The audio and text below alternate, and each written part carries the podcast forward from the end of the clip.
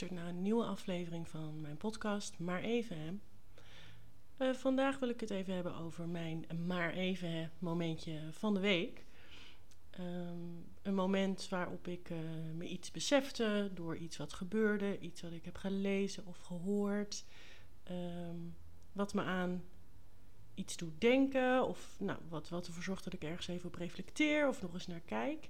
En voor mij was dat in dit geval een aflevering van een podcast die ik uh, onlangs ontdekt heb, of gevonden heb of over gehoord heb en ben gaan luisteren.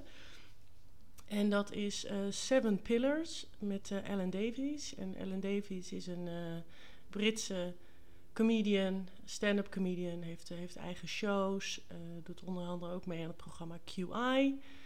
Um, nou ja, mocht je, dat, mocht je dat niet kennen, dat is een ja, een soort eh, panel comedy, um, comedy panel show waarin uh, leuke weetjes uh, worden gedeeld. Of juist dingen waarvan je denkt dat die op een bepaalde manier in elkaar steken ontkracht worden. En hij heeft eerder dit jaar is hij gestart met een podcast, heet dus Seven, Seven Pillars.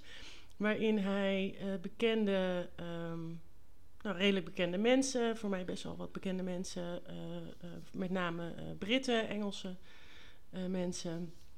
Meeneemt in de seven pillars van hun leven. Dus, en dat zijn in dit geval um, een boek, een film, een evenement, um, eten, een plek, een, een, een, een herinnering. Nou, en op die manier zeven, zeven pillars die hun vormen in hun leven. Heel interessant vind ik, omdat je, je merkt dat de gasten met, ja, met wie hij uh, de podcast doet, uh, zich goed hebben voorbereid. Echt hebben nagedacht over wat hun nou vormt of heeft gevormd. Of wat voor hun nou typisch iets is. Hè, dat kan een gerecht zijn, het kan een film zijn, het kan een boek zijn. Wat heel erg resoneert met hen. En um, je merkt ook dat hij zich heel goed voorbereidt. Dus hij krijgt van tevoren door wat hun, wat hun pillars zijn. Wat, uh, wat, dat, wat dat boek is. Wat die uh, artiest, uh, muzikant, cd.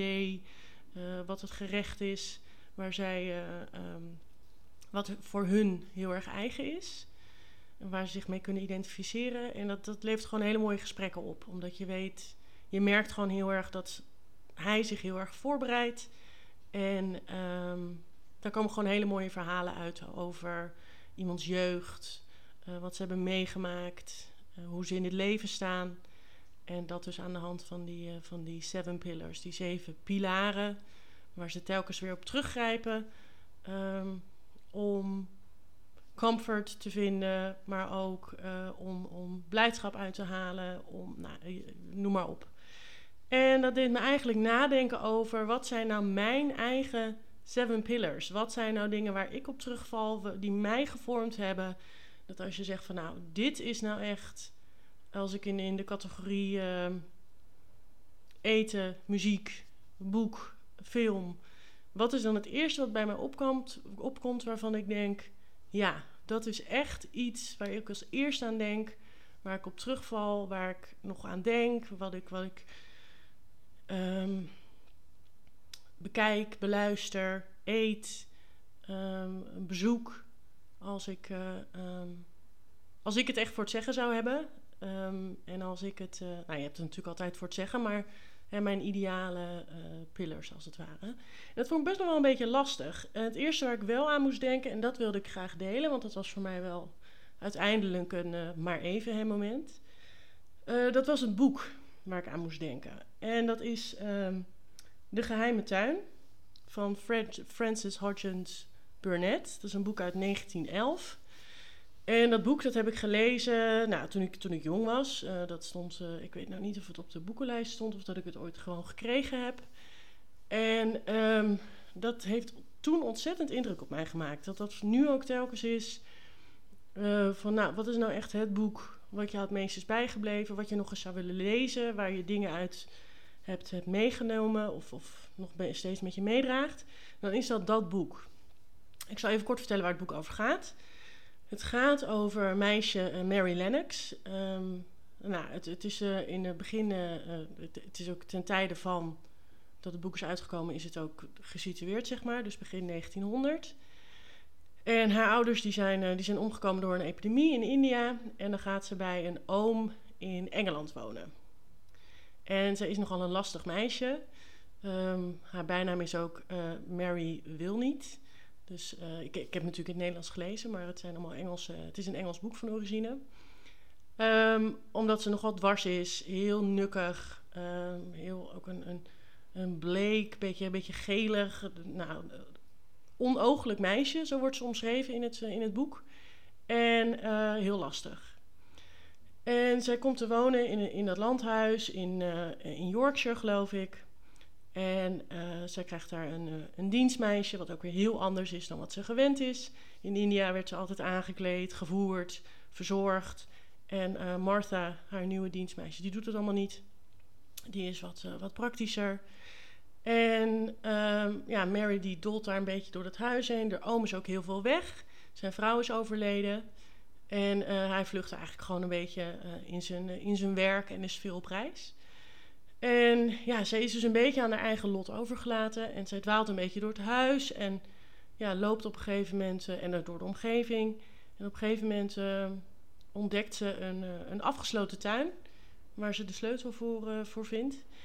En die tuin die is niet meer open geweest sinds um, nou, de vrouw des huizes, die dus overleden is, um, er niet meer is.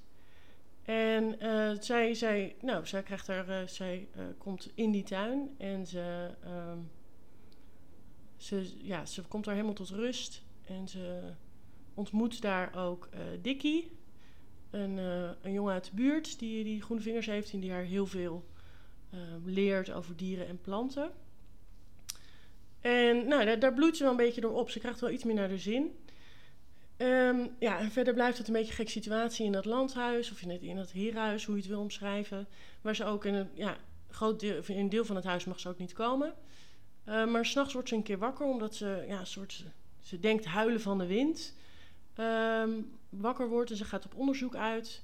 En daar ontdekt ze een jongen, uh, haar neefje Colin. Die, uh, die is aan bed gekluisterd. Die, ze hebben het idee dat hij een, een bochel ontwikkelt en daarom moet hij altijd in bed blijven. Nou, dat maakt hem natuurlijk ook niet, uh, niet heel vrolijk. is er ook van overtuigd dat hij niks kan, niks mag. Hij wil ook niks. Uh, dus hij is nogal nou ja, humeurig, hysterisch. En maar zij kan toch wel een beetje tot hem doordringen. Nou, dan krijg je een situatie dat zij zich een beetje, nou ja, uh, verdeelt tussen de tuin, daar dingen in leren, dingen weer tot bloei laten brengen. En uh, Colin uh, zich wat beter laten voelen. En op een gegeven moment krijgen ze hem zelf zover dat hij mee naar buiten gaat. En hij gaat zich steeds beter voelen in die geheime tuin. die tuin die komt weer tot bloei. Mary wordt, wordt steeds vrolijker mens. Um, ja, en dan gaan, leren ze hem ook weer te lopen. En wat dan ook weer de verrassing voor, voor zijn vader is, als die terugkomt van zakenreis.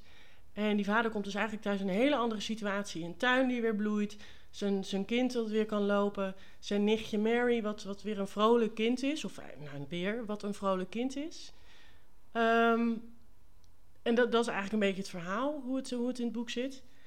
En waar het mij dus, mijn maar even moment daarin is dus, um, waar ik heel erg in geloof, alles wat je aandacht geeft, groeit. En voor mij is dat iets wat heel erg in het boek terugkomt. Letterlijk een tuin die weer tot bloei komt, omdat er aandacht aan gegeven wordt, er wordt liefde ingestoken. Um, Mary leert ook hoe ze die tuin moet onderhouden. Dus, dus hè, leren hoe je, hoe je voor mij is dat dan een, een, een um, metafoor voor leren hoe je de juiste aandacht aan dingen kan geven. En zij bloeit er dus weer aan, door op, door anders naar dingen te kijken, door uit haar negativiteit te stappen. En hetzelfde geldt voor Colin. Nieuwe dingen proberen, niet in je negativiteit blijven hangen. Um, en daardoor dus meer uit jezelf kunnen halen. En, sorry. En daar, um, ja, daar dacht ik vroeger natuurlijk niet zo over na. Dat je op die manier um, ja, een boek kan interpreteren. Maar voor mij is dat wel waar dat boek nu voor staat. En ik denk ook als, uh, er zit ook een quote in het boek. En dat is, als je er op de juiste manier naar kijkt, dan zie je dat de hele wereld een tuin is. En dat vind ik ook wel een hele mooie. Uh, want voor mij zit ook daar weer in um, dat je dingen kan laten groeien, bloeien, door er de juiste aandacht aan te geven. Ik geloof er heel erg in dat als je um, negatieve aandacht geeft aan iets, dan krijg je ook negativiteit terug. En als je positieve aandacht geeft aan dingen en aan jezelf, dan krijg je dat er ook weer voor terug. En je zal daar wel moeite, voor, moeite in moeten steken. Ik heb ook dagen dat ik uh, nou ja, uh, minder positief ben dan, uh, dan anderen. Maar die bewustwording, um, bijna de keuze om het vanuit een andere manier te benaderen. Ik kan nu heel, ik kan veel bewuster dan een paar jaar geleden gewoon tegen mezelf zeggen van joh, uh, oké, weet je, er is even iets wat, wat minder leuk is. Maar als ik daar me nu op ga focussen, op hetgeen wat minder leuk is, dan is dat hetgeen wat groeit. En dan is dat hetgeen waar ik in blijf hangen. Ik kan het ook proberen los te laten en me focussen op dingen die wel goed gaan, die ik leuk vind, waar ik energie van krijg. En ik denk dat dat um, voor mij heel erg terugkomt in dit boek. Uh, dus daarom, uh, ja, dat wil ik even met je delen. Ik ga ook de komende tijd nadenken over mijn andere pillars. Wat dat nou voor mij uh, um, zijn. En ik wil je eigenlijk uitnodigen om dat zelf ook te doen. Om eens te denken, wat zijn nou dingen in mijn leven waar ik altijd op terug kan grijpen, wil grijpen, waar ik energie van krijg, waar ik een goed gevoel van krijg, waar ik een mooie herinnering aan heb.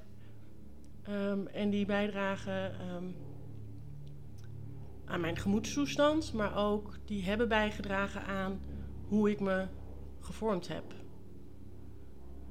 Ik weet niet of je het kan horen, maar er komt hier nu een vliegtuig over. Sorry daarvoor. Um, maar denk daar eens over na. Daag jezelf eens uit. En ik ben, uh, ik ben heel benieuwd waar je, waar je mee komt. Daar wou ik het eigenlijk bij laten. Ik, uh, ik hoop uh, dat, je, dat je hier herkenning in hebt. Dat je hier misschien wel iets van inspiratie uithaalt. En bedankt voor het luisteren. Tot de volgende keer. Hi hi.